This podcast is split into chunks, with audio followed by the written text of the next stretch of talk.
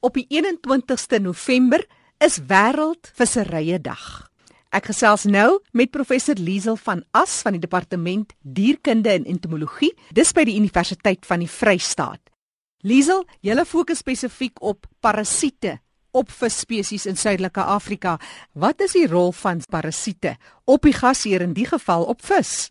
Om om mee te begin hou ons eintlik glad nie van die woord parasiete nie, want die spektrum van die assosiasie wat mens het met hierdie goggas met met die visse en omdat visse bestaan al vir 400 miljoen jaar en hulle het al 'n baie noue assosiasie met hierdie kom ons gebruik net maar die term in parasiete wat maak dat baie van hulle eintlik glad nie skadelik op op die um, visse enigstens is nie. En ons verkies om eerder na dit te verwys as simbionte want hulle het 'n interaksie wat hulle met met die visse het. Um ons het ook 'n paar jaar terug 'n kongres gehou Suid-Afrikaanse Vereniging van Parasitologie en ons um, lese vir daai kongres was ook onder andere Equal Rights for for Parasites en as mens gaan kyk in die diereryk na die assosiasie wat daar tussen diere is dan gaan mens agterkom dat daar is 'n baie groter verskeidenheid van twee diere wat 'n assosiasie met mekaar het as wat daar vrylewende um, verteenwoordigers is. En die probleem met visparasiete is is die oomblik wanneer jy die visse in op 'n gekonsentreerde basis het byvoorbeeld in 'n akwakultuur um, omstandighede wanneer die vis dan self onder 'n stresstoestand is, neem die parasietgetalle dan toe en dis wanneer hulle dan problematies maak en in baie gevalle is dit dan ook dat daar 'n sekondêre infeksie plaasvind. So dit is nie dan basies net die die oorspronklike parasiet wat op die einde dan 'n negatiewe effek op die vis sal hê nie. So wat jy eintlik sê wat heel interessant is dat die visse tot 'n mate ook tog hierdie parasiete nodig. Ja, veral in die marine omgewing is daar baie interessante voorbeelde van waar daar ook byvoorbeeld garnale is wat nou 'n assosiasie met die visse lewe en aan die garnale eet weer van hierdie klein krustasieetjies wat op die vel van van die um, visse voorkom. Van hierdie um, parasiete het regtig waar nie 'n negatiewe effek nie want baie van hulle kom ook in baie lae getalle voor. Baie van hulle heg ook net op die vis self is dat en hulle voed glad nie op die vis nie en hulle sal voed uit ander bakterieë en organismes wat in die water is en dan glad nie enigstens um, op die vis um, self um, voed nie. Vis is 'n baie belangrike bron van voedsel, proteïene. Wat is ons as Suid-Afrika en Suidelike Afrika se houding teenoor vis? Wat ons in gedagte moet hou is in in Suidelike Afrika en in die verlede het die regering inisiatiewe gehad van waar daar 'n hele klompie visdeelstasies in die land was wat projekte aan die gang was om te kyk om om met visse te boer en daar was groot projekte aan die gang wat babers geboer is wat vir die boere in die damme gesit uh, gesit het was groot projekte wat um, die karp en ook die blou kurper um, geteel was wat wat in die damme gesit is wat dan ook in die sportindustrie um, gebruik word met met um, visvangste. En maar in Suid-Afrika het ons nie 'n gewoonte of 'n geneigtheid om varswatervis te eet nie. As jy gaan kyk in die Wenda omgewing, sal die plaaslike bevolking daar baie makliker varswatervis eet en 'n barber eet. Um en by ander dele gaan mense net grill om om om 'n barber te eet. As jy gaan selfs kyk in Botswana wat baie baie um eetbare visse het, maar ook barbers is, sal um die mense nie nie die barber eet nie so by die Gariet visstasie wat hulle um, besig is om te ontwikkel en wat nou uh, in die eerste 3 groepe van van visse wat ingekom het is is babers wat uitgegroei word, maar daar's ook nie 'n mark vir dit nie want mense grill, jy's net nie gewoond daaraan om 'n baber te eet nie. En ons het alself baber geëet in die veld en dit is 'n vis wat eetbaar is want vis is 'n baie goeie hoë um, proteïenbron om te eet. So dit gaan oor om mense ingelig te kry en hierdie houding wat ons het, um, dit soort van te begin afbreek dat mense kan besef ons kan begin varswater eet. 'n Karp byvoorbeeld, die pole eet in um, Kerstye um soveel karp op soos wat ons hoenders tussen Kerstye opeet. Vir hulle is dit net so 'n belangrike bron van van um proteïene. Wat mense ook in gedagte moet hou is as jy kyk na ingevoerde visse wat wat in die in die riviere is en die groot probleem wat daar met ingevoerde visse in in die riviere is.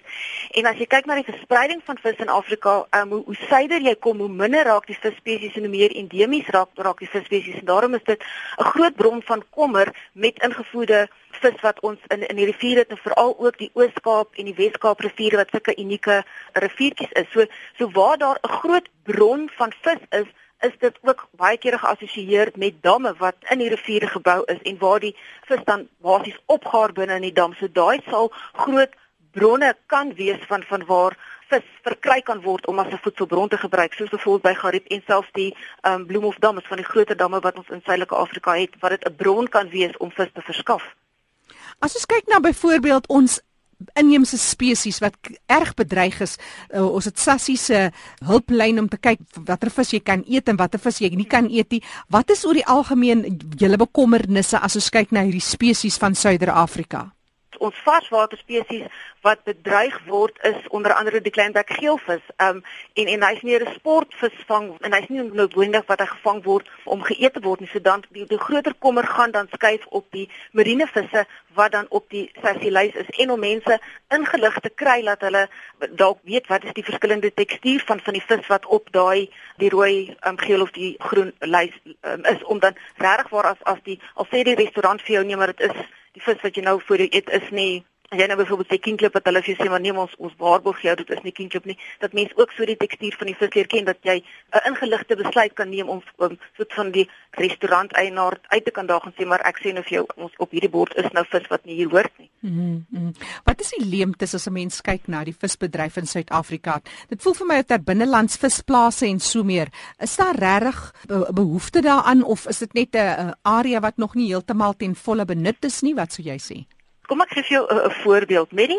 En, en ons het nou ook 'n MSc student wat nou net kyk in die Vrystaat met die ontwikkeling van die China ehm um, Gariep in visstoelstasie net die ander kant aan St. Koolsberg is wat is die potensiaal of die parasietprobleme wat ons kan verwag met die ontwikkeling van die visstoelstasie by Gariep?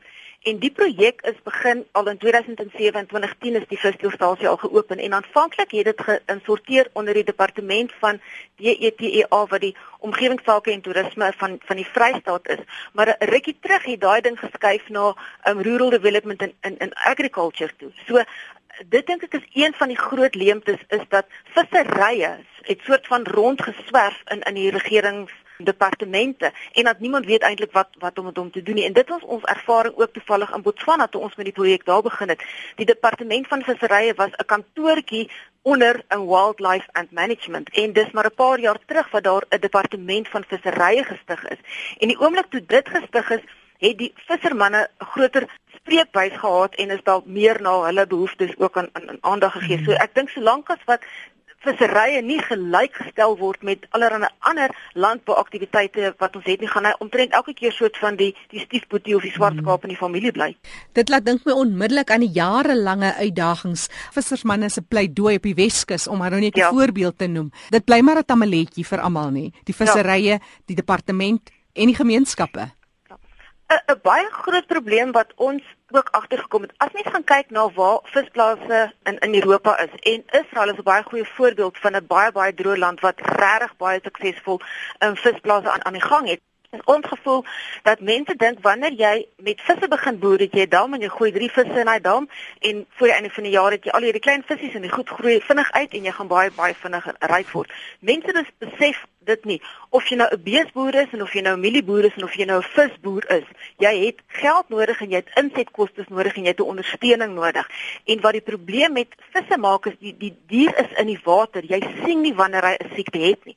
En jy kan nie noodwendig net die water behandel nie. En dit maak dit bietjie meer uitdagend ook en daarom begin mense met dit goed en ek dink hulle gee ook baie vinnig op. Ons was hierdie jaar by 'n uh, werkswinkel gewees in in Namibië by die Komachungu England Fisheries Institute in Namibië het 'n baie goeie marine en binnelandse vissery wat die gang is en daar is 'n uit ons 'n ou ontmoet wat by 'n ou tinmyn het hulle daai damme begin gebruik om kurpers in te, te teel en hulle is baie suksesvol want hulle teel dit en die afsetgebied is by die skole en by die tronke en dis die ander ding wat ook nog 'n groot probleem dink ek by ons is is die advertensie en die afset.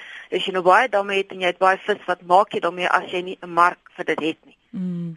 Waar val dit op die voedselketting in Suid-Afrika as ons praat van ons eie bronne of dit nou inheemse en uitheemse bronne? Ja dit bly goedkoper um, want daar's baie baie meer insetkoste wat jy moet maak om 'n bees groot te kry as wat dit is om om 'n vis um, groot te kry. Jy kan die die insetkoste, die proteïen wat jy binne in 'n vis moet sit om op die einde 'n vis te kry, is nog steeds die goedkoper een vergelykend so. Dis nog steeds goedkoper om vis te produseer as wat dit is om 'n hoender en as wat dit is om om 'n bees te produseer in proteïen gewys en al die ander omega vette en goeders wat mens kry, um, gaan jy dit nog steeds uit vis uit kan kry.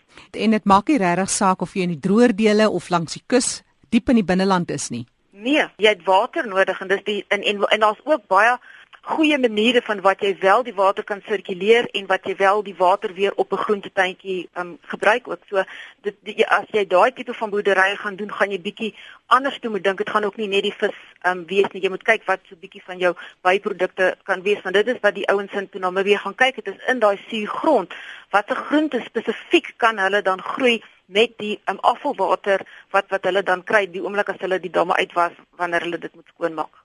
So dis 'n bedryf wat nog uh, amper wil ek sê braak lê, maar ja. en daar's baie geleenthede, so 'n bietjie navorsing en huiswerk wat gedoen moet word, maar dit kan gedoen word. Dit kan gedoen word, maar wat ook baie keer die, die groot probleem is omdat byvoorbeeld die kart se biologie is is al uitgesorteer. Die Israeliese en die Pole en die mense in Europa boer reg al vir vir jare en jare en jare en jare met kart. So mense is geneig om te sê dieselfde geld vir die die bloukurper. Die bloukurper word in Zimbabwe baie baie baie suksesvol um, ge gebruik as 'n teelvis en dan is die neiging om te sê ons het ook ander kurperspesies wat in Natal voorkom en ons het ander kurperspesies wat in Botswana voorkom en dan die maklikste is maar dis ons uitgesorteer. So daai kurper gaan mos dieselfde wees. So kom kom ons gebruik tog sommer die blou kurper. Maar die blou kurper is ook 'n vis wat nie by koue toestande kan oorleef nie. So al begin ons nou met 'n verskriklike intensiewe bloukurper boerdery en broeiery by die Gariet visseelstasie, gaan dit nie werk nie want daai water is te koud en die omgewing is te koud. Elke keer as ons mhm. winter gaan kry, gaan jy totale um, vrektes kry en mense kan dan nie dit regverdig om 'n uh, 'n verskriklike verwarmingsstelsel hê net om die visse deur deur die winter te kyk. Ons moet nog bietjie meer werk ook doen rondom die die biologie van watter visse ons in die stelsel het wat 'n potensiaal kan wees vir 'n visboerdery. En so gesels professor Liesel van As, sy's van die departement dierkunde en entomologie by die Universiteit van die Vrystaat.